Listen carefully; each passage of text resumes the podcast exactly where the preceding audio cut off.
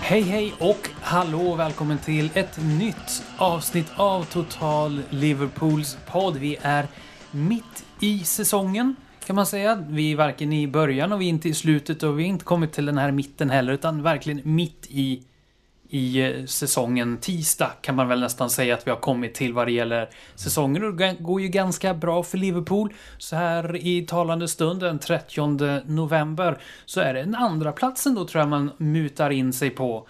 Eh, eftersom eh, Chelsea inte lyckades ta tre poäng bland annat.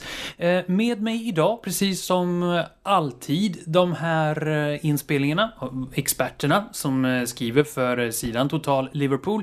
Thomas Nygren, välkommen! Tack så mycket! Och på Skype, som vanligt får jag väl säga, Per Kvist, välkommen!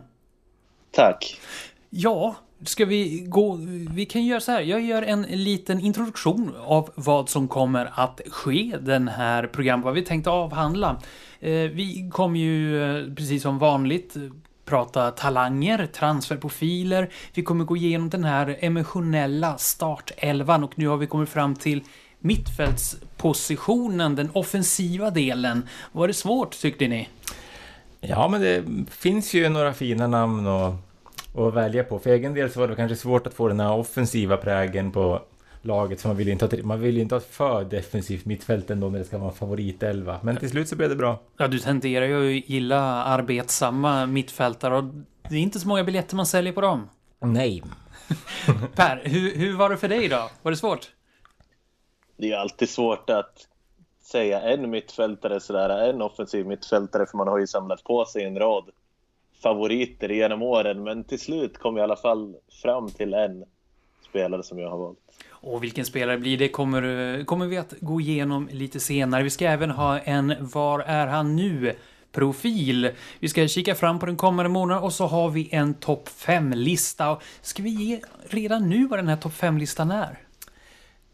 Ja, vi kan väl... Eh, vi kan väl redan nu säga att vi, kom, att vi har tagit på oss en, en väldigt svår uppgift den här gången och det är att försöka ranka Liverpools fem bästa utlåningar under 2000-talet. Och det var ingen vacker läsning. Men det kommer att vara en smekning för era trumhinnor sen i slutet av programmet. Mm. Men vad sägs om att eh, dra igång nu och eh, börja sammanfatta den månaden som har gått sedan vi hördes av sist. Det har, Liverpool har sedan dess spelat sex stycken matcher då med eh, Champions League inkluderat. Man har mött Huddersfield, det blev en vinst. Man har mött eh, Röda Stjärnan hemma, det blev en vinst. Man har mött Cardiff hemma, det blev en vinst. Börjar på bli tjatigt där. Man har mött Arsenal Eh, på bortaplan. Det blir oavgjort följt av en förlust mot Röda Stjärnan. Och så senaste matchen som har spelats nu när vi spelar in det här eh, avsnittet blev en vinst mot Fulham och eh, ja, ska vi börja med Europaspelet där? En vinst, en förlust. Vad är era spontana kommentarer Per? Ja, det var ju en, laget får ju en guldstjärna i den här hemmamatchen mot Röda Stjärnan, men bortamatchen var ju rena mardrömmen nere i Serbien. Vad var det som gick fel? Det är ju verkligen fågel och fisk där. Mm. Vad, vad gick fel? Egentligen gick väl allting fel. Det kändes ju som att Röda Stjärnan var ju enormt påskruvade och påhejade av sin hemmapublik i den första halvleken. Och de spelade ju med ett stort mod och stor energi och för det första så gjorde de ju faktiskt det i början av matchen på Anfield också och om de vågar vara modiga på Anfield vågar de ju förstås vara det på sin egen hemmaplan. Men Liverpool verkade ganska tagna på sängen av det här och möjligtvis underskattade man också Röda Stjärnan som jag tycker gjorde en väldigt stark insats. De gjorde ju de sköljde ju över Liverpool på ett sätt i första halvlek. Även om de inte skapade massvis med chanser så gjorde de ju ett par mål. Och sedan i andra halvlek bevakade de ju sin ledning mot ett Liverpool som hade det ganska svårt att få till någonting. Det blev väldigt stillastående, stabbigt, idéfattigt och ja, i slutändan måste jag också säga att ineffektiviteten spelade ju stor roll. För även om spelet inte stämde så missade man ju flera bra chanser. Var det här en bra förlust, Thomas? Um, att förlora mot Röda Stjärnan är ju såklart... Eh, det är för dåligt för att vara Liverpool. Vi såg ju på hemmaplan att vi gjorde ingen storartad insats och vann ändå ganska enkelt med 4-0. Att åka ner dit och visa den inställningen som man gjorde tycker jag är skamligt dåligt, rent ut sagt. För vi visste ju redan på förhand att det skulle vara ett jäkla tryck på läktaren. Att, det skulle, att Röda Stjärnan skulle gå in för 120 procent. De skulle inte gå in på halvfart. Och det verkar som att Liverpool-spelarna bara tänkte att det, äh, att det löser sig. Det gick ju mot Huddersfield. Ja, det gick mot Huddersfield, men jag vet jag tycker det var samma tendens även på bortaplan mot Napoli, att när Liverpool åker iväg och spelar bortamatcher i Europa så är man inte med riktigt. Det stillastående, ineffektivt, idéfattigt, den här glöden som tog oss så långt förra året finns inte med. Vi gick ju inte till final i Champions League förra året för att vi var klasser bättre än alla motståndare, utan vi gick dit för att vi kämpade hårdare, vi ville mer och visade mer energi än motståndarna. Men i år är det raka motsatsen.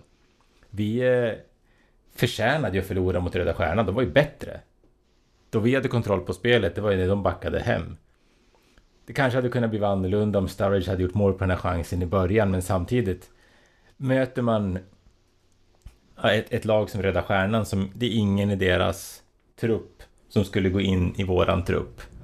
Då ska man ha råd att bränna en bra chans i början och ändå plocka hem poängen.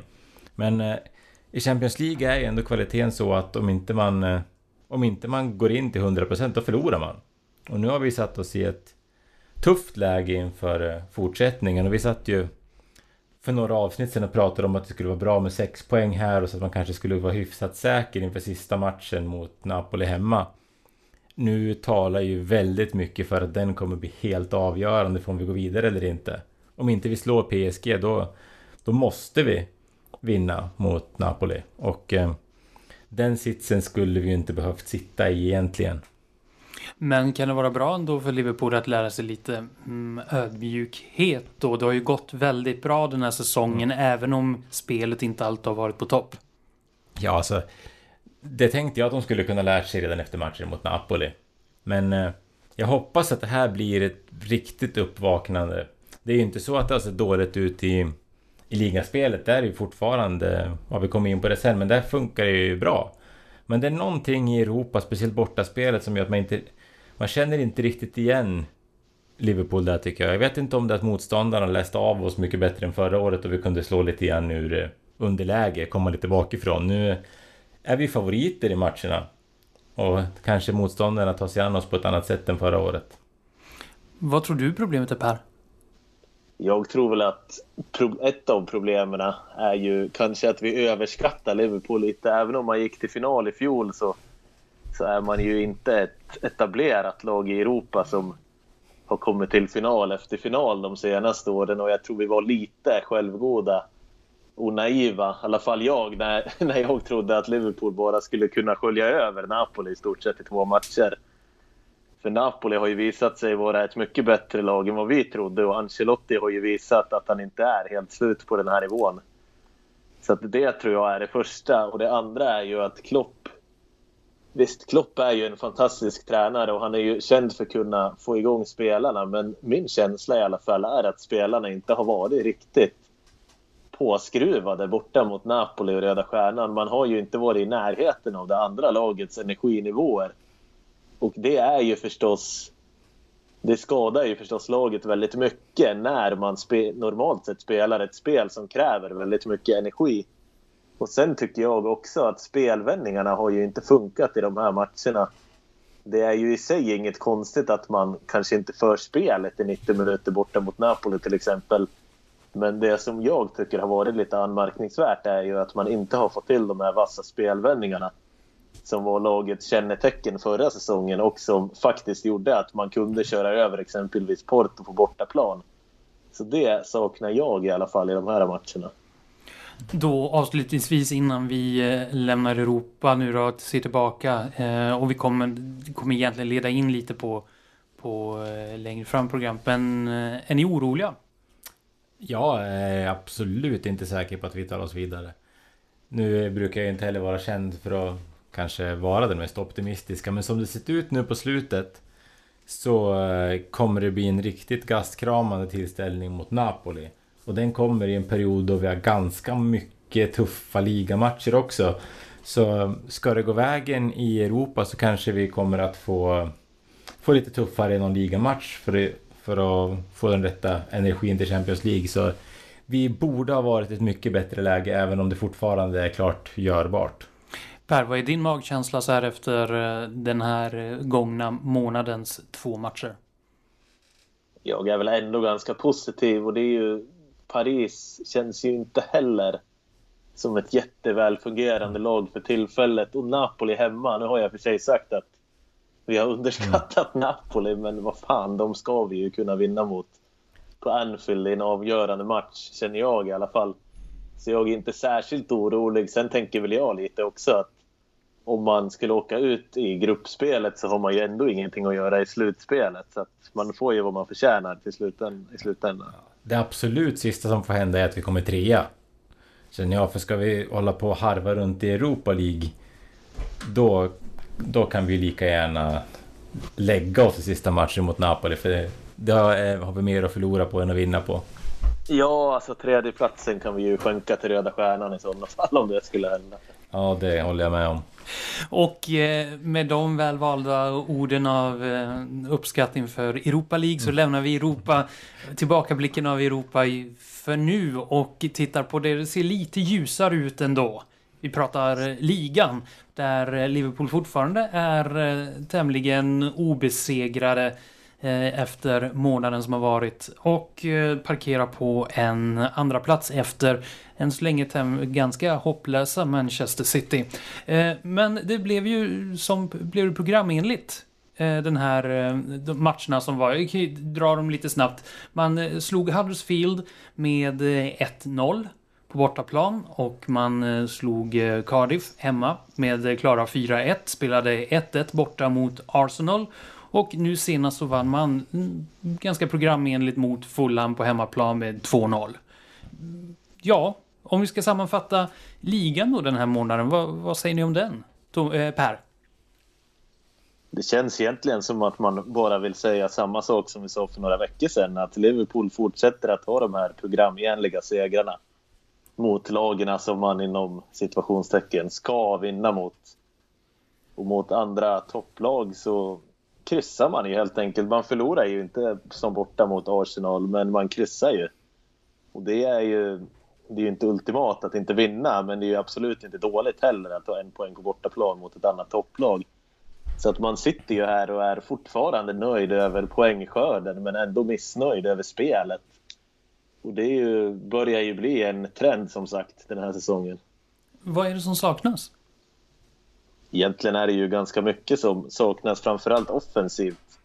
Känns det ju som att man väntar på att det ska explodera med våra offensiva spelare, främst de här Salah, Firmino och Mané som inte riktigt har kommit upp i nivå, känns det i alla fall som. Men sen kollar man på statistiken och inser att de har gjort tillsammans ungefär lika många mål i ligan den här säsongen som förra säsongen vid den här tidpunkten. Så att kanske bedrar skenet lite också. Thomas, vad, vad, säger du om den eh, gångna månaden? Ja, men det är lite grann det som, som eh, Pelle är inne på. Det, men vi har tagit 10 av 12 poäng. Och ett kryss borta mot Arsenal, det är ju nästan alla säsonger är det ett väldigt, väldigt bra resultat. Varför är ni inte nöjda då? Ja, det är ju... Jag vet inte om man måste börja vänja sig vid att Liverpool ser ut på ett lite annat sätt. För vi spelade ju lite mer eh, böljande fotboll förra året. Vi släppte till mer chanser, skapade mycket mer chanser. I år är det ett mer kontrollerat Liverpool någonstans som vi får se. För om man tänker när vi hade 2-0 mot Fulham i, i söndags, spelade vi den matchen, det var söndagsmatch. Då eh, slog vi liksom lite grann av på takten och spelade av matchen. Förra året så hade vi fortsatt att tjurrusa framåt. Kanske gjort ett par mål till men kanske också släppt in ett eller två mål till. Och det känns som att Klopp har eh, tagit till en mer kontrollerat sätt att spela fotboll på nu. Eh, samtidigt som man håller på att försöka tillämpa ett en, lite annat spelsystem ändå i många matcherna som jag inte tycker att man har fått den bästa utvecklingen av än så länge i alla fall. Men eh, som sagt, tittar man på resultaten, det går ju inte att klaga på ett lag som är obesegrat efter 12 omgångar. Tre oavgjorda matcher varav alla är mot topplag. Det är klart jag också hade velat vinna mot Arsenal. Men samtidigt så kom ju de till matchen med enormt självförtroende efter sin långa segerrad. Vi satt ju här och pratade med Rami Shaban i samband med matchen och han trodde att Arsenal skulle vinna. Och det kändes som att många av Arsenal-spelarna också trodde att de skulle göra. Eh, och ska man jämföra den matchen med tidigare år så tror jag att de flesta Liverpool-lagen under 2000-talet hade förlorat den här matchen. För eh, vi hade ju aldrig kontroll på händelserna riktigt och trots det så är det vi som har flest målchanser. Så någonting är ju i det här Liverpool-laget som gör att eh, vi vinner matcher som man har saknat tidigare. Det är inte lika underhållande men det ger ju mer poäng i slutändan och det är ju det som räknas. Ja, sen ska man ju säga det att vi gjorde ju ett mål till mot Arsenal men linjedomaren missade ju eller missade, han eh, trodde att det var offside när det inte var det. Så att egentligen gjorde ju Liverpool två mål i den matchen. Och de här oavgjorda matcherna mot topplag har ju Eh, Arsenal och Chelsea, det har ju varit bortamatcher. Och det är ju självklart godkänt oavgjort borta. För mig, när jag tänker matcherna mot de andra topplagen så tänker jag att det är godkänt att kryssa borta och vinna hemma. Så för mig är den största plumpen i det protokollet den här oavgjorda matchen mot Manchester City. Och den, kan man, den har vi ju avhandlat i ett tidigare avsnitt, men det var ju typ den enda matchen någonsin där jag har sett Pep Guardiola anpassa hela sitt lagspel utifrån motståndet. Så att Liverpool för ju väldigt stor respekt, respekt med sig, det är ju uppenbart. Tänker det säger också en del om våra förväntningar, för man sitter ju ändå efter en match när man har vunnit och är lite besviken. Man kan sitta efter ett kryss borta mot Arsenal och känna fan det här borde vi ha kunnat gjort bättre. Så vi har ju också höjt ribban för vad vi kräver av Liverpool någonstans och det är ju också en del i utvecklingen. Att eh, det som är en svag Liverpool-insats nu hade man ju liksom hjulat för under Roy Hodgson. Så någonstans så går ju utvecklingen framåt och vi vet vilka toppar det här laget har. Så det är ju, ja, det är ju en positiv start på ligan. Hade jag fått bli erbjuden den här starten hade jag tagit den alla dagar i veckan. Känner ni något hopp inför framtiden då efter den här eh, månaden som, som ändå bjudit på lite si och så? Det har varit lite mer stolpe in som har, har gjort att Liverpool ändå har med sig de här resultaten än stolpe ut. Det borde komma någon stolpe ut-månad snart. Är ni oroliga för att, det, att, ja, att Liverpool inte spelar tillräckligt bra för att en sån månad ska påverka ligan? Jag kan inte säga att jag är så orolig för lagets prestationer ändå, för vi har ju...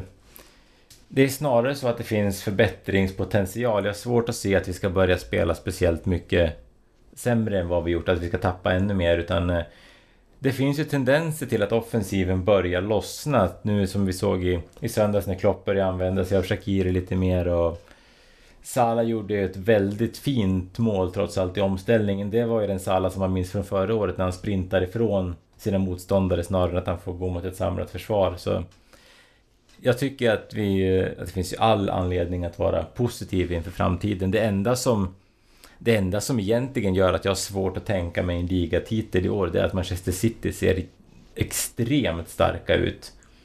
Eh, jag, jag är svårt att de kommer tappa speciellt många poäng så vi, ska vi ha chans på en ligatitel då måste vi fortsätta rada upp segrarna. Per? Jo, jag håller med. Det är ju, man ser ju en andra plats inom räckhåll i alla fall. Inom klart räckhåll. Jag ser ju Liverpool som stor favorit till att ta en andra plats. Men en andra plats är ju som sagt en andra plats. Det är ju inte en ligatitel, den ligatiteln som vi har suktat efter så många år. Men man måste ju erkänna att Manchester City det är ju det, det bästa laget som vi har sett i Premier League på väldigt länge och jag skulle inte bli förvånad om de även tar hem Champions League den här säsongen. Så ni är ändå hoppfulla. Det har ju skett en del eh, förändringar i, eh, i klubben under den här säsongen. Ni pratar om dels att Liverpool kanske lite mer återhållsamma, inte samma böljande spel. Eh, försvaret har ju stärkts upp och, och, Liverpool känns inte lika instabila. När man gör 1-0 så känns det inte som att, man, att Liverpool är tvungna att göra tre mål till för att förhoppningsvis kunna vinna eh, och vara garanterad en vinst. Det känns mer tätt bakåt. Men även spelsystemet har ju ändrats lite. Vad säger ni om, om det? Ja, det är ju Många matcher nu på slutet har man ju spelat någon, av, mer av ett 4-2-3-1 än tidigare som spelar 4-3-3 som vi använde mycket förra säsongen. Och eh, det gör ju såklart att det blir lättare att få in en spelare som Fabinho i startelvan. Det gör också att eh, Shakiri får en mer naturlig roll i startelvan. Samtidigt som de mittfältarna vi hade förra året kanske får lite svårare att, eh, att hitta sin naturliga roll. Eh, men det är eh, intressant att Klopp har börjat eh, mixtra lite grann. För förra året så såg vi en ganska stor kontinuitet i hur vi ställde upp laget vid, från start. Eh, det som, jag är inte helt övertygad om hur han använder fronttrion i, den här, eh, i det här systemet. För jag tycker att Firmino har kommit bort lite grann den här månaden. Även om han har bidragit i vissa matcher så han ska ju vara dominant. Förra året var han nästan bäst på planen i varje match, åtminstone topp tre. Uh, när han eh, spelar i... Det är nästan en kantroll som han har haft nu i det här nya spelsystemet och då kommer han ur matcherna och då tycker jag vi tappar hans... Uh, både hans bollvinnande och hans mer kreativitet framåt. Samtidigt som jag inte tycker att Salah är perfekt som spets på det här anfallet. Jag skulle gärna se att han gjorde en en liten rokad mellan de två för att vi ska få ut det bästa av bägge spelarna. Samtidigt så förstår jag också syftet med den här elvan, för som du säger, vi, nu kan vi vinna med 1-0 och spela av en match. Mot Fulham spelade vi också av matchen och det hade vi inte riktigt i oss förra året. Utan även när vi ledde med en par, tre mål så var det... Ja, det såg vi om inte annat mot Roma när vi hade ledningar. Ja, man liksom har 5-0 och fortfarande bara tjurrusar framåt. Då saknade man ju det här systemet där det kanske var lite tråkigt att titta på men som var effektivt.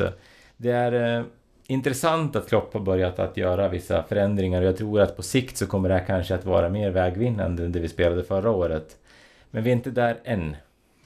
Om då Firmino är den som uh, inte gynnas av spelsystemet uh, eller Salah för, för den delen att de kommer bort lite och inte mm. riktigt lika dominanta som Eh, de var förra säsongen. Vilka är det då som har har tjänat på det. Mer än laget som sådant och stabiliteten bakom. Ja, det är de två som jag ser främst som tjänar på det är ju, som jag var inne på, Fabinho och Shakiri. För de får en naturlig position i det här. Jag tyckte man märkte att Fabinho hade lite svårare när man spelade med tre på mitten att eh, täcka alla ytor. I det här systemet så får han ju hjälp på mittfältet på ett helt annat sätt. Jag tycker att Shakiri känns lite för offensivt lagd för att kunna ha en av de här tre positionerna på mittfältet. I det här systemet så blir, får han lite mer eh, stöttning i defensiven och kan lägga lite mer kraft på offensiven. Så det är väl de två som jag tycker tjänar mest på systemet. Sen såklart även backlinjen som slipper... Eh, de slipper ju möta motståndare som kommer i full fart. Som man fick göra mycket förra året. Nu eh, får man möta anfallarna kanske gärna så man får stöta på dem istället för att de kommer i fart mot en och det är ju... Det är ju en stor vinst så försvarsmässigt så är ju är den här uppställningen bra tycker jag. Jag tycker det känns som att nyförvärven får en bättre roll i det. Samtidigt som kanske den offensiven som vi hade förra året inte riktigt flödar på samma sätt. Per, vad tror du om, om den här rockaden som eh, Thomas pratar om? Ja, jag tror väl egentligen att han gör det av några olika anledningar. Det främsta är väl förstås att balansera ut det och få en stabilare defensiv, vilket man också har fått det andra som jag tror i alla fall, det är att han väldigt gärna vill få igång Sala ännu mer. Han vill sätta honom i ännu fler avslutslägen. Och därför sätter han honom längst fram så att han inte behöver ta de här defensiva löpningarna som han måste ta, ta ifrån kanten. Och det, jag tycker väl inte riktigt att det är rätt drag just eftersom Firmino kommer ju bort lite istället. Och då tappar man ju Firmino på ett sätt och då tappar man ju det samspelet så att säga.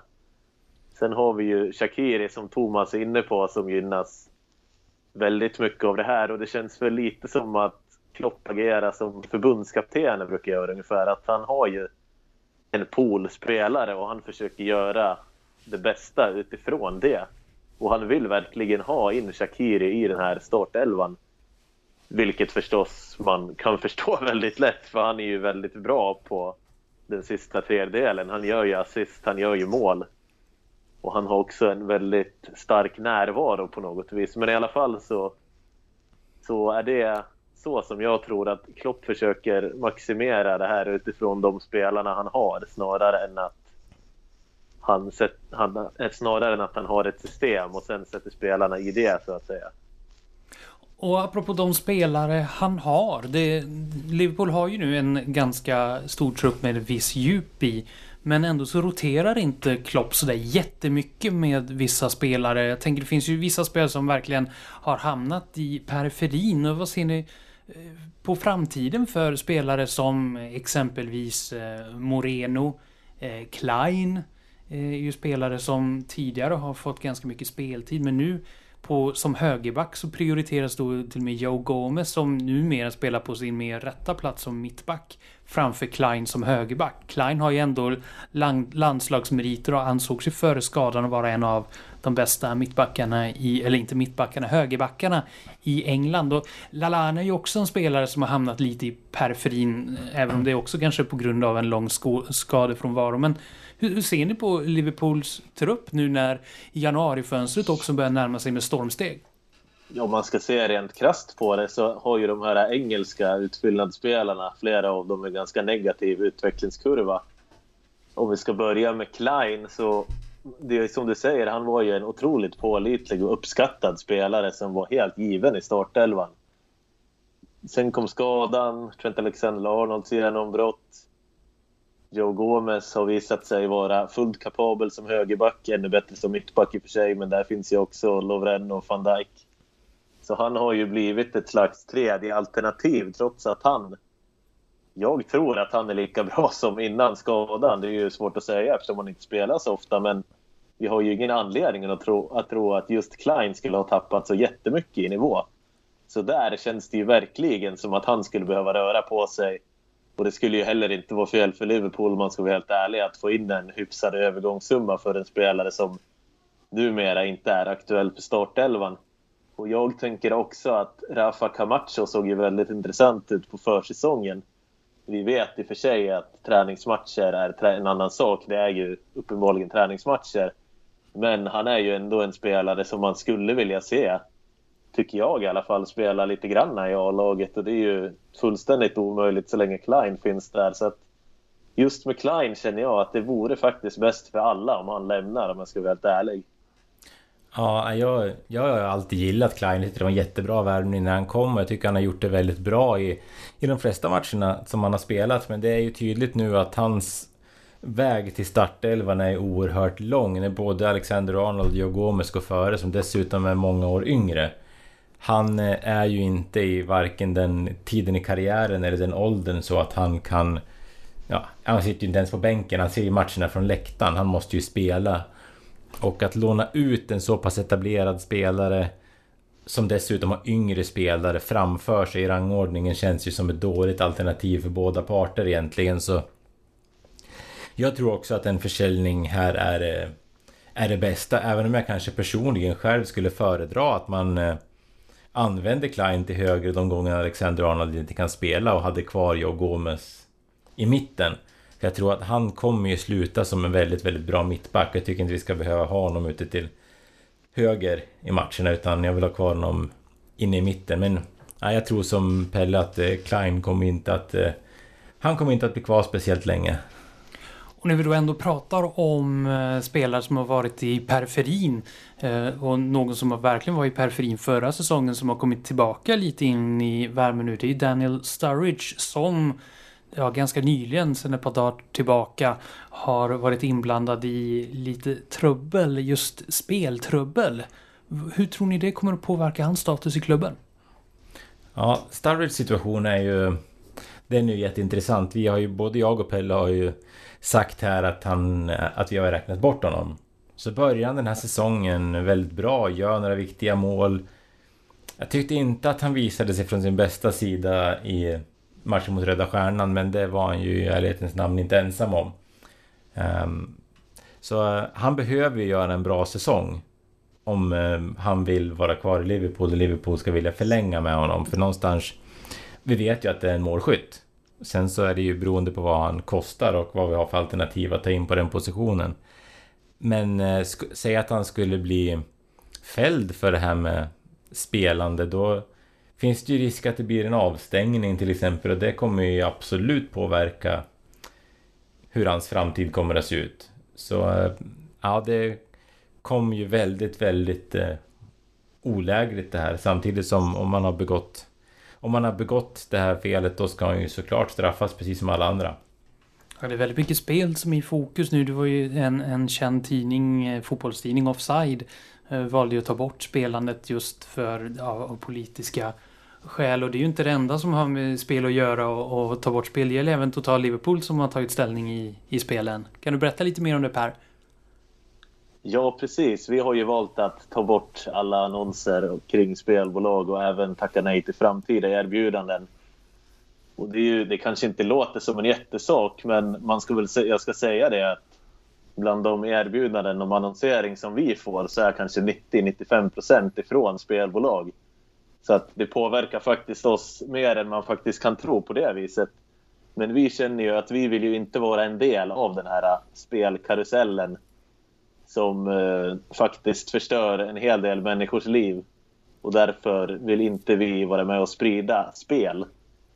Sen kan man ju säga det om Daniel Sturridge att det som FA håller på att utreda med betoning på att ut, på utreda. Vi vet ju inte om vad han har gjort så att vi ska inte döma honom på förhand såklart.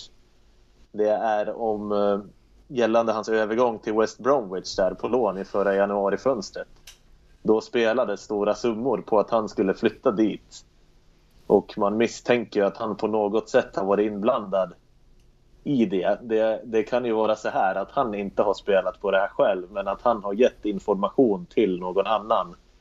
Det kan ju vara en närstående till exempel som därefter har lagt in stora spel på det. Och det, det skulle alltså räcka för att fälla Sturridge i det här fallet. Sen eh, om, man, om jag bara ska kommentera fotbollsspelaren Daniel Sturridge. Så eh, jag kan väl känna lite att han är ju på något sätt som en veteranspelare. Även om han inte är så gammal så är ju han som en 35-åring brukar vara ungefär. Att han egentligen kanske inte är i fysiskt skick att spela 90 minuter. Eller egentligen, han har väl inte spelat 90 minuter på hur länge som helst. Han orkar inte spela hela matchen när han startar. Och han är ju främst ett alternativ som inhoppare. Och med den bakgrunden, den bakgrunden måste man ju ha med sig nu när hans kontrakt går ut efter säsongen. Vad man kan erbjuda för nytt kontrakt. Han borde ju bli erbjuden ungefär sådana här kontrakt som 35-åringar blir erbjudna. Det kan ju vara prestationsbaserade kontrakt till exempel som det gäller. Så att eh, det är väl lite så jag känner med Sturridge. Jag tänker det är en intressant position det här, den här centerplatsen. För vi har ju två till spelare där som har haft extremt lite speltid i år. Det är, vi har ju både Divo Origi och Dominic Solank som har... Eh, ja, de är ju med i A-truppen men det är väl... Eh, jag tror inte någon av dem har gjort en sekund i ligan än så länge. Och eh, väldigt sällan ens tar plats på bänken. Origi hoppade ju in där mot Röda Stjärnan i ett byte som kändes som att nu kastar vi in handduken lite grann. Um, och eh, de två är också i ett sånt läge att uh, de nog kommer behöva lämna. Origi behöver ju byta klubb permanent. Han kommer ju aldrig ta en plats i Liverpool.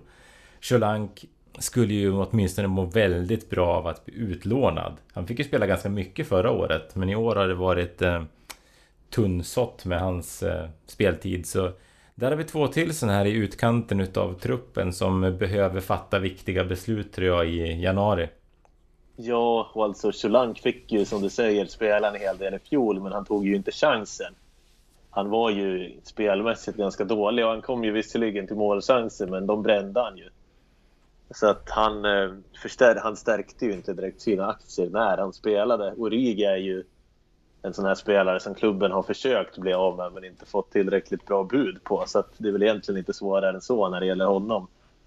Och sen ska man väl säga det, Adam Lallana är ju också en sån här spelare som som eh, egentligen har haft sina bästa dagar som fotbollsspelare kan jag känna. Han fick ju otroligt mycket skit efter matchen mot Röda Stjärnan. Och det är alltid tråkigt när, när kritik övergår till personangrepp. Jag tycker ju för sig att han var sämst på planen i den matchen, men det måste man ju ändå kunna säga utan att det är personligt på något sätt han har ju haft så mycket skador så att hans fysik känns ju väldigt tveksam. Han spelar ju i slow motion nu och då när han ska vara spindeln i nätet i Liverpools offensiva spel som han i princip blir när han är med, för det är ju det som är hans roll som fotbollsspelare. då blir det ju väldigt problematiskt och han är ju en extrem temposänkare nu för tiden. Så att han är ju också absolut en spelare som jag skulle kolla på att sälja även om jag inte tror att det kommer ske i januari. Eftersom man ju trots allt måste behålla några spelare och ha på bänken och så. Jag tänker just i Lalanas fall så, så länge Oxlade Chamberlain är skadad så har han ju ändå en någon slags roll att fylla i de här matcherna som vi behöver vila spelare. Jag, jag känner att han är lite grann i samma läge som Danny Ings var, att han behöver spela matcher för att komma upp i matchtempo. Och i Lalanas fall så har vi också åldern som eh, talar emot honom lite grann, så jag tror inte att vi kommer få se honom eh, prestera sin bästa fotboll i Liverpool fler gånger, utan han behöver nog också röra på sig för att få en ny start på karriären. I dagsläget så är han ju inte tillräckligt bra för att vara ordinarie.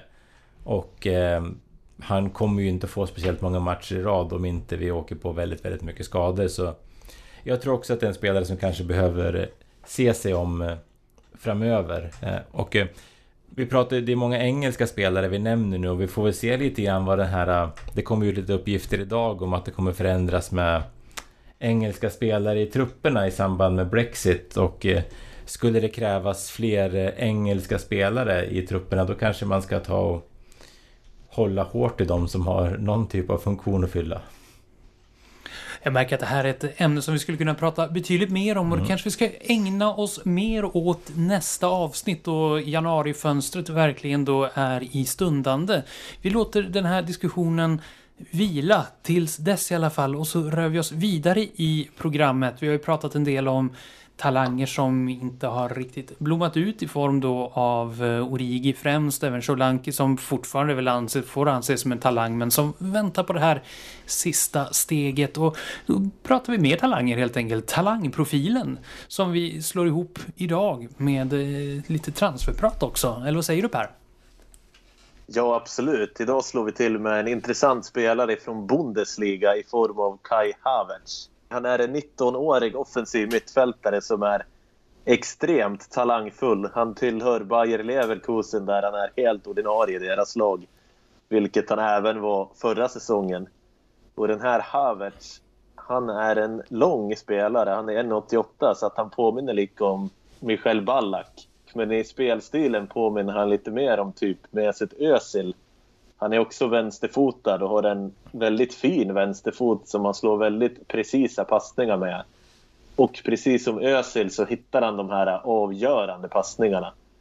Och han har en väldigt stor smartness i sitt spel och han tar liksom de här smarta löpningarna och de smarta besluten ute på planen och spelar ju otroligt mogen, trots, moget trots att han bara är 19 år. Och han har ju redan debuterat för Tysklands A-landslag och det lutar väl åt, tycker, tror jag i alla fall, att han kommer att bli en nyckelspelare för dem också inom kort. Vad skulle han fylla för, för, för funktion i eh, Liverpool?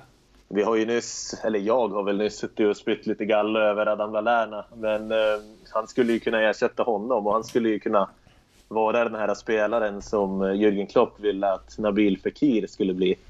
För det var ju faktiskt så att Klopp ville ju väl värva Fekir som också är en vänsterfotad offensiv mittfältare med väldigt många spetsegenskaper på den offensiva tredjedelen. Och jag tror ju inte att Shakiri var ersättaren till honom så att säga. Jag tror ju att det var en spelare som man ville ha utöver Fekir. Så ännu mer spelskicklighet till offensiven och ja, det skulle ju inte vara helt fel med någon som satte igång offensiven, dammade av våra superspelare där och hjälpte dem nå nya höjder. Hur realistisk är en eh, värvning av, av honom? Han är ju förstås intressant för alla storklubbarna i Europa skulle jag tro. Så att eh, det är absolut realistiskt att Liverpool kommer försöka. Sen är ju Bayern Leverkusen inte helt oproblematiska att värva ifrån. De kommer ju hålla hårt i honom så att det kanske inte är en spelare som man kan värva i ett januarifönster men nästa sommar kommer han säkert att vara aktuell såvida inte Liverpool köper någon annan offensiv mittfältare innan. Väl värt en spelare att hålla ögonen på i alla fall. Ja, självklart. Han är ju, om ni kollar på Bundesliga, vilket man ju numera kan göra på Viasat, som väl alla har för att kunna se Liverpool ändå, mm. så då kan man kolla på Havertz så det rekommenderar jag verkligen. Det är ofta en fröjd att se faktiskt. Även om Leverkusen kan vara för jävligt dåliga så brukar han vara väldigt rolig att se. Ja, då får vi spetsa ögonen på honom till nästa gång. Och så fortsätter vi helt enkelt i programmet eller avsnittet och går igenom till en följetong som vi haft ett tag nu, nämligen den här emotionella elvan som vi har gått igenom från allra längst bak, målvakterna, eh, har vi betat igenom backlinjen, vi har betat igenom yttermittfältarna och en mer försvarsinriktad innermittfältare. Nu har turen kommit till den mer anfallsinriktade innermittfältaren, i alla fall för vår del. Man, man, kan ju naturligtvis välja en mer försvarsinriktad eh, innermittfältare här nu också, men man säljer inte så många biljetter på det. Eh, och vi kan väl då, Thomas, mm. En mer anfallsinriktad innermittfältare än Igor Biskan som var ditt defensiva val. Vad mm. hittar vi där? Ja, jag hade ju lite svårt här. Jag eh, var ju ett tag inne på om jag skulle sätta Lukas Leiva bredvid Igor Biskan. Och eh, det hade ju inte blivit så underhållande kanske. Jag eh, var också ett tag inne på den eh, ständigt 40-årig utseende Danny Murphy som jag vet att min eh, kamrat David förespråkade i den här elvan. Men eh, mitt val blev till slut eh, en eh, spelare från 90-talet faktiskt. Min eh, kanske allra första stora Liverpool-idol. Namnet som jag hade bak på min första Liverpool-matchtröja. För på min första matchtröja så stod det eh, Rednap på ryggen. Och eh, Jamie Redknapp var ju en väldigt eh, elegant mittfältare. Eh, fint passningsspel, bra skott. Extremt skadedrabbad tyvärr. Jag tror aldrig jag sett honom spela en match, men jag har hört att han var fantastisk, men, men var skadad hela tiden. Ja, han var ju del av den här Spice Boys-eran som var så väldigt omskriven. Så i hans eh, CV så ser man ju både landskamper och matcher för både Liverpool och Tottenham och en massa olika modelluppdrag och liknande. Det är såklart det... Det var ju inte det som jag fastnade för att han eh, skaffade sådana uppdrag också utan jag gillade hans spelsätt, just det här eleganta mittfältstypen. Eh, han var en av de sista spelarna som eh, Kenny Dalglish värvade faktiskt innan han eh, lämnade klubben. Han kom ju till Liverpool som jätteung. känns som en väldigt sympatisk spelare. Mycket mer sympatisk än sin far. Harry Redknapp som jag antar att många har, har koll på. Han är väl inte superstark som pandit i England idag kanske, men som fotbollsspelare gillade jag honom väldigt mycket. Jag tyckte det var tråkigt när han lämnade för Tottenham. Ehm, även om hans eh, efterträdare på positionen eh, som med tid blev Steven Gerrard såklart var eh, en, mycket, mycket bättre spelare så jag minns första gången jag var i England, i London, så köpte jag en tröja som det stod Red Hot Rednap på framsidan och den bar jag med stolthet. Jag tror att jag har den kvar någonstans fortfarande. Ja, eh, spännande spelare Jamie Redknapp eh, som är då Thomas eh, val till den här emotionella startelvan där, man, där vi plockar ut spelare som har en speciell plats i hjärtat. Det behöver inte vara talangen som, som är grejen där utan några helt andra saker. Per, vilken är din eh, kompletterande mittfältare? Jag hade ju Mascherano på den första positionen och han spelade ju med Xavi där några år i Barcelona. Så det gick ju bra, så därför är det ju helt naturligt att jag slår till med Joe Allen på den andra mittfältspositionen. Han var väl vår Xavi kan man säga, eller vi hoppades på det när han kom i alla fall. Nej, nu ska vi inte raljera. Det där var ju lite trams såklart. Jag eh, har egentligen alltid gillat Joe Allen, eller alltid så länge jag har känt till honom som spelare. Han är ju en liten, men ändå ganska ettrig och han är ju en krigare. Men han är ju också en fin spelare, fint spelsinne, passningsspel, ständigt i rörelse och jag älskar såna här mittfältare som får det egna lagets passningsspel att bli liksom flytande. För mig är det det som Joe Allen sysslar, sysslar med när han spelar i ett lag som vill spela fotboll såklart. Som Liverpool, oklart hur det går i Stoke med den saken. Men han är ju en spelare som kan ja, få, det, få det att flyta helt enkelt i passningsspelet. Och jag gillade den här värvningen och jag gillade också när han lät håret växa ut för då ser han ju ut som en karaktär i en sån här valfri Robin Hood-film. Eh, apropå, tänkte du, när du snackade om Rednap så nämnde du att han var modell och sådär. Så jag tänkte att jag måste flicka in en komplimang till Joe Allens utseende också. Så att Joe Allen är mitt val och det känns ju starkt. Han är ju till skillnad från de som vi brukar ha i de här i den här elvan så spelar ju han fortfarande. Han hängde ju med Stoke där nere i Championship så att han harvar ju där och han eh, får ju möta Pontus Jansson och de andra där nere i CC. Jag tror till och med att det var så att han förlängde med Stoke i samband med att de åkte ur den sommaren för att liksom visa att han eh, ville vara med och ta laget upp och det är ju om inte annat en väldigt fin gest. Ja, även om i den kontexten så skulle man ju också vilja veta vilka erbjudanden som han tackade nej till. Ja, skulle passa perfekt bredvid Aaron Ramsey på Arsenals mittfält. Nej. Så Joe Allen är din och då så kan vi lite snabbt ta min. Jag eh, var lite i valet och kvalet vilka jag skulle ta och om mitt val överhuvudtaget är godkänt. Men Eh, ja, efter att ha rådfrågat Thomas innan inspelningen så föll mitt val på en av alla dessa fransmän som har figurerat i Liverpool. Det var 2001 som Liverpool signade mitt val och mitt vals kusin från klubben Le Havre efter att ha dominerat i något av alla ungdomsmästerskap där eh, Anthony Letalek, som mitt val då kom eh, som rankades som näst bästa spelare efter sin kusin Florence Sinama Pongol eh, och eh, kom till Liverpool och var, beskrevs som en diamant. Eh, och var väldigt talangfull i klass med en viss Cristiano Ronaldo.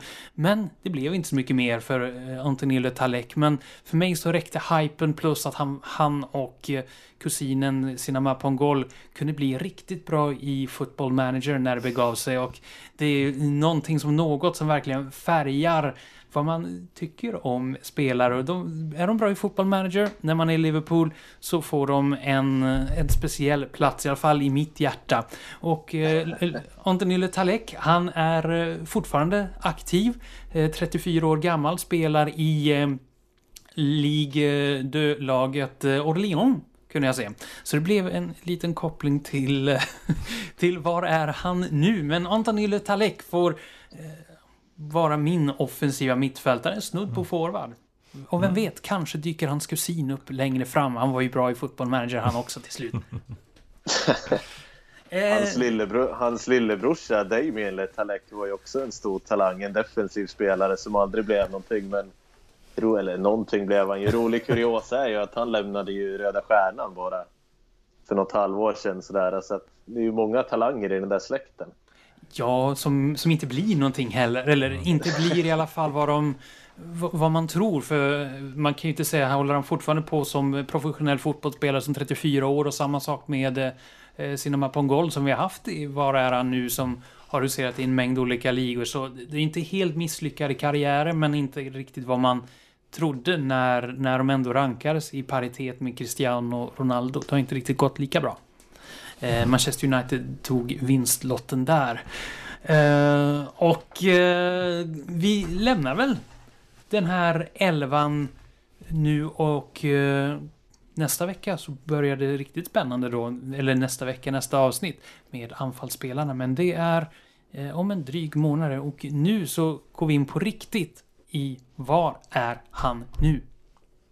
Ja, och eh, den här gången kommer vi att titta på en av de här fransmännen som huserade i Liverpool på 2000-talet. Även om den här eh, karismatiska anfallaren bara gjorde 20 matcher för Liverpool så satte han ju ändå vissa avtryck i klubben.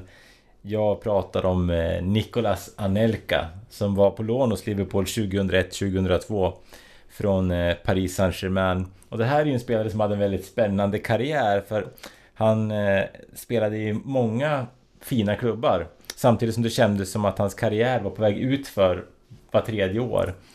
Eh, han spelade bland annat i Arsenal, Real Madrid, PSG innan han gick till Liverpool.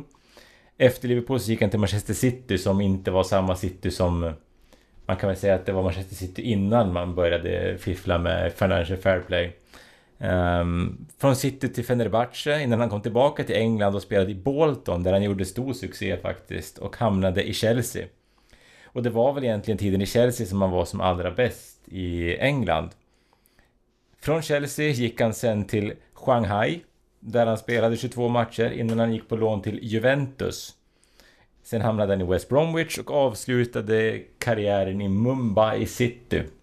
Så eh, i Mumbai City spelade han alltså sina sista år och fortsatte sen som spelande tränare ett tag. Eh, när han hade lagt ner karriären så hoppade han på eh, ett jobb i Råda JC i holländska högsta ligan där han skulle ställa upp som stöd till sin kompis Alexej Korotajev som eh, var eh, en typ av säga, delägare i klubben. Så han ställde upp där som eh, stöd. Efter det så har han väl haft lite småjobb sådär i Frankrike. Men nu sista, bara häromveckan så skrev han faktiskt på för att bli ungdomstränare i Lill. Där eh, hans eh, hans nya president sa att Anelka hade som uppgift att prata med, eller ta hand om spelarna som är mellan 14 år upp till reservlaget och främst anfallarna och ge dem eh, råd om eh, avslut och liknande. Och eh, personligen såg jag ju aldrig Nicolas Anelka som den här spelaren som skulle ge råd till unga spelare. Han kändes ju väldigt eh, han hade ju en lite arrogans över sig som eh, inte utstrålade undervisning. Klassisk fransk arrogans. Alltså mm. när man säger då att fransmän kan vara arroganta så är det verkligen Nicolas eh, Anelka som, som ändå känns som urtypen för mm. spännande karriär. Alltså sammanfattningsvis kan man väl säga att man vet aldrig vad, vad som händer där. Jag tänker eh, Shanghai, Juventus, ja, mm, varför inte? Och, och Råda, var, var kom det ifrån? Ja, och sen just det här när man hamnar, går från så här, Fenerbahce, han hamnade i Bolton. Sen kommer den här riktiga kicken när han går till Chelsea, spelar flera säsonger där, vinna titlar, göra mål. Då var han ju livsfarlig och då hade man ju nästan glömt bort att han existerade innan. Så en väldigt speciell karriär för en spelare som jag eh, hade väldigt svårt för både när han spelade i Liverpool före och eh, efter. Men med tanke på att vi valde El Hadji Diouf istället för Anelka när vi inte värvade honom så eh, hade man ju önskat att det hade stått lite fler Liverpool-matcher på Anelkas CV idag. Apropå arrogant där ja. Mm, mm. Det räckte inte med Anelka utan tvungna att toppa det. Och eh, vi var ändå inne på Lill. Eh, och eh, idag så är det faktiskt en spelare som Liverpool under en period lånade ut till Lille som aviserade att karriären är slut. Eh, nämligen Joe Cole. Som faktiskt var på lån i Lille och idag berättade att han har slutat spela fotboll. Det hade varit mer nyhet för mig om han hade berättat att han spelade fotboll fortfarande, lär jag erkänna. Men nu har han slutat i alla fall. Så vi kan väl sända en liten tanke till honom också. Ja, han har väl spelat i USA i några år nu, eller? Ja, han, jag vet inte vart han har hattat runt lite, men det var ganska många klubbar som eh, han hade spelat i sedan han var i, i Lill på lån i alla fall. Jo, det, det är det. Riktigt späckat. Var är han nu kan man säga? Tre i en, även om två av dem blev i extremt miniformat i form av Letaleko och Joe Cole och sen ja. så grottade vi ner oss ordentligt i Nicolas Anelka. Ja, vi, jag nämnde ju förra, veck, förra avsnittet att Igor Biskan hade fått en ny klubb. Uh, han har ju nu tränat de här Riex i... Uh, jag hoppas jag säger rätt nu, men jag tror att de heter så. Uh, I fem matcher. Och fyra vinster, ett kryss. Vidare i kuppen. Jag behöver inte säga mer, det här är ju början på en ny saga. Biskans magiska trollspö är fortfarande kvar i hans ägo. Så kan vi säga. Det verkar onekligen som det. Och vi kommer ju naturligtvis eh, följa Igor Biskans eh, gör och mål i den här podden som är nästan Igor Biskans största fanclub. Omedvetet, men så har det blivit. Eh, och vi lämnar Igor Biskan för den här gången och sen så tar vi och kikar in den kommande månaden som är en ganska späckad sådan. Ganska viktig också, får jag säga. Vi inleder ju med Europaspelet. Ni var lite sådär halvt om halvt eh, optimistiska för framtiden och framtiden för Europaspelet hänger på hur det går i matcherna mot först Paris Saint-Germain den 28 november. En bortamatch där och sen så kommer man även att möta Napoli hemma den 11 december. Under den tiden ska det avgöras om det blir något eh, vidare spel i Champions League. Och hur tror ni att det går, Per? Jag tror trots allt att man kommer att gå vidare i Champions League. Jag tror på oavgjort mot PSG och vinst mot Napoli. Thomas? Ja, jag eh, tror väl någonstans innerst, innerst inne också att vi kommer att lösa det på något sätt. Men jag tror att det kommer bli en sån här klassisk in på kniven. Eh, kanske något i stil med 3-1 vinsten där i sista matchen mot eh, Olympiakos året som vi gick hela vägen. Det kommer... Man kommer ju behöva sitta och vara nervös hela vägen. Det, det känner jag mig rätt säker på. Sen så hoppas jag att eh, vi lyckas lösa det i slutändan. Ja, vi ska inte hålla det på halster mer utan vi lämnar vi Europaspelet där och sen får vi återkomma eh, nästa program för då har vi facit eh, hur det gick i Europa. Om, man, om Liverpool ska rikta in sig på Europa League eller om det blir fortsatt spel i den finare av de båda cuperna, nämligen Champions League. Och så tittar vi in på ligan här då som eh, inleds mot Watford den 24 november följt av eh, Everton ett eh, klassiskt Liverpool-derby som är lite speciellt därför att eh, den matchen kommer att ha finbesök. Eh, och vad det finbesöket innebär, men det ska vi prata om alldeles strax. Eh, man kommer även att möta Burnley borta, Bournemouth borta och den 16 december så kan vi även säga att man kommer att möta Manchester United hemma blir en spännande match. Så den här månaden som kommer, ja men vad säger ni om den, Thomas? Ja, jo, det blir ju en, det är väldigt mycket intressanta matcher. Två tuffa bortamatcher. Men eh, personligen så är, är det såklart derbyt som sticker ut eftersom eh, jag själv kommer att sitta där på läktaren och eh, hoppas få se ett bättre derby än förra säsongen då jag fick se Wayne Rooney kvittera på en i mina ögon ganska tveksam straff. Um, jag hoppas ju få se tre poäng den här gången och det är alltid roligt att uh, åka över och se Liverpool spela och derbyn är ju jättespeciella. Nu kommer vi att möta ett Everton som är på uppgång. De eh, plockade ju poäng mot Chelsea nu i helgen. Har en ganska bra svit. Känns som ett, eh, ett lag som kanske kommer att eh, vara best of the rest. Som kommer vara toppen här bakom eh, ja, den ordinarie topp 6 då.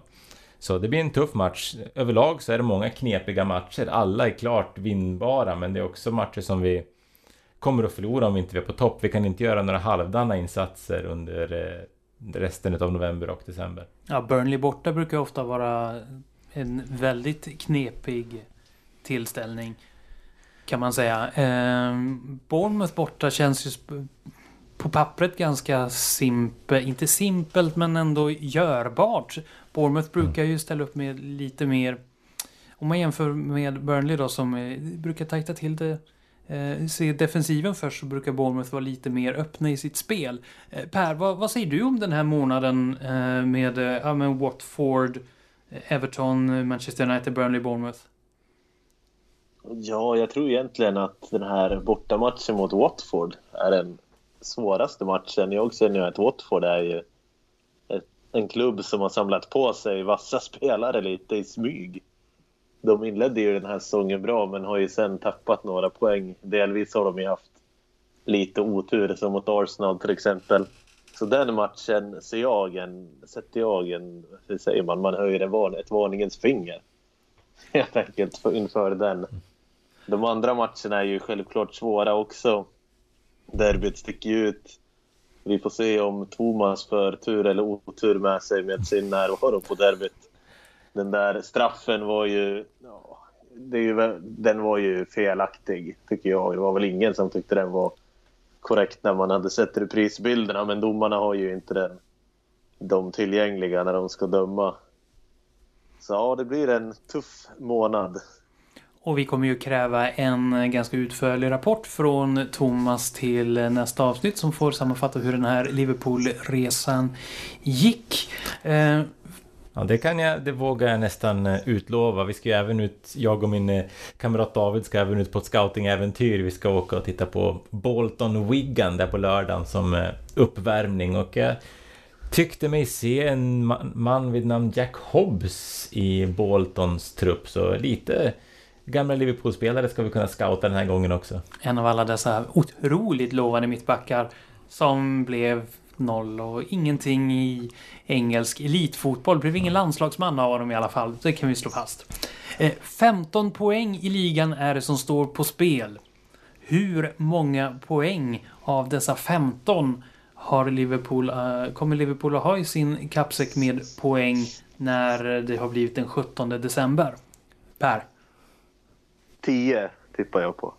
Var kommer tror du att eh, tapp, de här fem tappade poängen kommer att eh, återfinnas? Jag tror att man kommer, kommer att förlora mot Watford. Sen ser jag en viss risk mot speciellt Burnley borta där. Känns som en kryssmatch sen spontant. Så att ja, United. Frågan är ju hur, hur, om de kommer att anfalla överhuvudtaget. Känns som att det kan bli 0-0 också i den matchen. Så det är väl där. Thomas? Ja, det finns, det finns ju risk för poängtapp i alla de här matcherna. Speciellt med tanke på hur viktiga Champions League-matcher som vi har, eh, har däremellan. Jag menar, vi spelar Watford, PSG och sen Everton. Så det, men där har vi tre riktigt tuffa matcher på kort tid. Jag tror inte heller att vi kommer gå rent. Men... Eh, nu jag tror ju också att vi kommer åka på någon torsk bland de här, men om jag ska försöka vara positiv så kanske jag ska säga... Nu måste jag räkna efter i huvudet hur många poäng det blir bara. Jag, jag tror faktiskt också att det landar på 10 poäng. Och det viktigaste av allt då, det är inte hur många poäng och segrar man tar, men vilken placering kommer man att vara när vi hörs igen i, i december? Jag tror 10 poäng räcker för att vi ska ligga tvåa fortfarande. Per. Ja, det tror jag också faktiskt. Så en fortsatt andra plats 10 inspelade poäng av 15, så lyder siandet från eh, Per Per och Thomas Nygren som då eh, är experter där på Total Liverpools podd. Där vi nu ska börja runda av programmet till sedvanligt maner och gå igenom topp 5-listan som idag, som vi utlovade, är lånade spelare. Utlånade spelare. Jajamensan, vi, vi tänkte att det skulle vara en bra idé att försöka lista de fem bästa utlåningarna som Liverpool har gjort nu med tanke på att eh, Harry Wilson går så bra i Derby så det vore spännande att se hur det har våra utlånade spelare gjort det förut. Och eh, ja, det var ju ingen rolig läsning om man ska vara ärlig. Det var inte helt enkelt att plocka fem som verkligen har eh, som vi har fått ut så mycket av att de har varit utlånade. Jag skickade ut den här frågan på Twitter också och eh, det första svaret som jag fick var från Lars Torssell som skrev att vi lånade ut David James. Sen så, sen så var det tilläggat fast det kanske inte var på 2000-talet. Eh, och när man ska behöva gå så långt tillbaka för att komma på en lyckad utlåning då säger det ändå någonting om eh, om hur pass vi har kanske inte varit dåliga på att låna ut men vi har inte fått så bra utväxling i alla fall. Men vi lyckades få ihop en topp 5-lista i alla fall på fem spelare som vi lånade ut och antingen tjänade på att ha utlånade eller kom, som kom tillbaka och faktiskt gjorde avtryck i Liverpool. Och eh, på den femte platsen där satte vi Harry Wilson från förra året när han var utlånad till eh, Hull och faktiskt gjorde sju mål på 13 matcher och verkligen gjorde sig ett namn. Det var ju ändå många som trodde att han skulle få en chans i Liverpools trupp den här säsongen utifrån den presterade förra året. Ehm, sen så kom det ett tidigt lån i år. Han har gjort det väldigt bra även i Derby. Så där kanske är ett lån som vi kommer att ha stor nytta av i framtiden. Ehm, så därför hamnade han på femte plats på den här listan. Och eh, på fjärde plats så har vi satt en spelare som inte gjorde många glad i Liverpool. Men som faktiskt gjorde ganska många glada i Sunderland. Nämligen Fabio Borini som var på lån hos eh, Sunderland säsongen 2015-16. Där han bland annat gjorde mål mot Chelsea, Manchester United, City, gjorde, avgör, gjorde viktiga mål i två cupmatcher när man tog sig vidare och var bidragande till att eh, man faktiskt höll sig kvar det här året. Eh, Sunderland köpte ju senare Borini från Liverpool så där fick vi också tillbaka lite av pengarna som vi tyckte att det var värt att lägga på honom en gång i tiden. Så det lånet gav ju ändå dels lite klirr i kassan och det gjorde livet surt för våra konkurrenter och det ska man ju inte heller underskatta. På plats nummer tre. På plats nummer tre har vi eh, satt en eh, målvakt också, ett ganska ändå nytt lån. När vi hade Danny Ward utlånat till Huddersfield här om året så gjorde han en jättefin säsong och hjälpte Huddersfield upp i Premier League.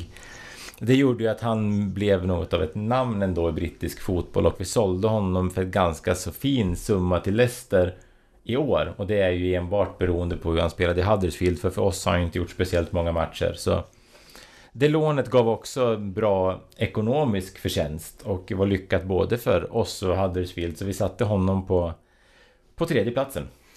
Nummer två. På plats nummer två har vi en spelare som är i Premier League idag, en lite lynnig eh, mittfältare vid namn John Joselvi.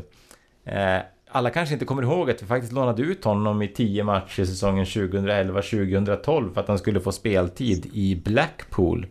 Och på de tio matcherna som han spelade där gjorde han faktiskt sex mål och tre assist. Så det var ju något av en succéutlåning av John Joselvi till Blackpool. Han kom ju också tillbaka och gjorde en hel del matcher för oss. Såldes vidare för en ganska så bra slant ändå. Har ju haft en fin karriär. Även om eh, han inte nådde upp i den nivån som man hade hoppats på på förhand. Så han visade ju där att det finns en väldigt, väldigt bra fotbollsspelare i John Joselvi. Tyvärr så kanske inte hans eh, hjärna hänger med i den kvalitet som eh, kroppen besitter. Och slutligen nummer ett då. Guldplatsen, den bästa utlånade spelaren under 2000-talet. Mm. Då får vi gå tillbaka lite grann till början på 2000-talet där vi hade en eh, vänsterback utlånad till Coventry City. Det här gamla storlaget som var på dekis redan då. Eh, som kom tillbaka och gjorde 68 matcher i Liverpool. Så han fick faktiskt ett uppsving i karriären under tiden på lån i Coventry. Och den spelare som jag pratar om är Steven Warnock. Eh, jag vet inte om alla kommer ihåg honom men det var en eh, pigg vänsterback. Kanske lite begränsad defensivt men ganska bra vänsterfot och bra inställning. Eh, som sagt 68 matcher i Liverpool som efter sitt lån till Coventry faktiskt hade kommit tillbaka som en bättre spelare som kunde konkurrera om en plats i startelvan och någonstans är det det som man vill med ett lån att de ska ta nästa kliv. Och det var i ärlighetens namn inte många som hade gjort det av de utlånade spelarna som vi har eh, gått igenom i alla fall. Men det kan ju vara så att vi missat någon. Det är ju ganska många utlånade spelare som har varit iväg under, under 2000-talet. Det blir ju vanligare och vanligare, även om vi inte är på samma nivå som kanske Chelsea. Så eh, är det någon som saknar något namn på den här listan så kan man gärna höra av sig och eh, kommentera och argumentera. Men eh, enligt oss är den bästa utlåningen Liverpool har gjort alltså Steven Warnock till Coventry. Inte så spektakulär eh, etta. Eh, om en kanske väldigt välförtjänt sådan. Det är väl kanske få listor som man skulle kunna sätta Steven Warnock på första plats. Men här ja, tycker jag att han har förtjänat det. Och det, det, det kan vi unna Steven Warnock som hade, eller har, en ganska okej okay karriär. Får man ändå säga.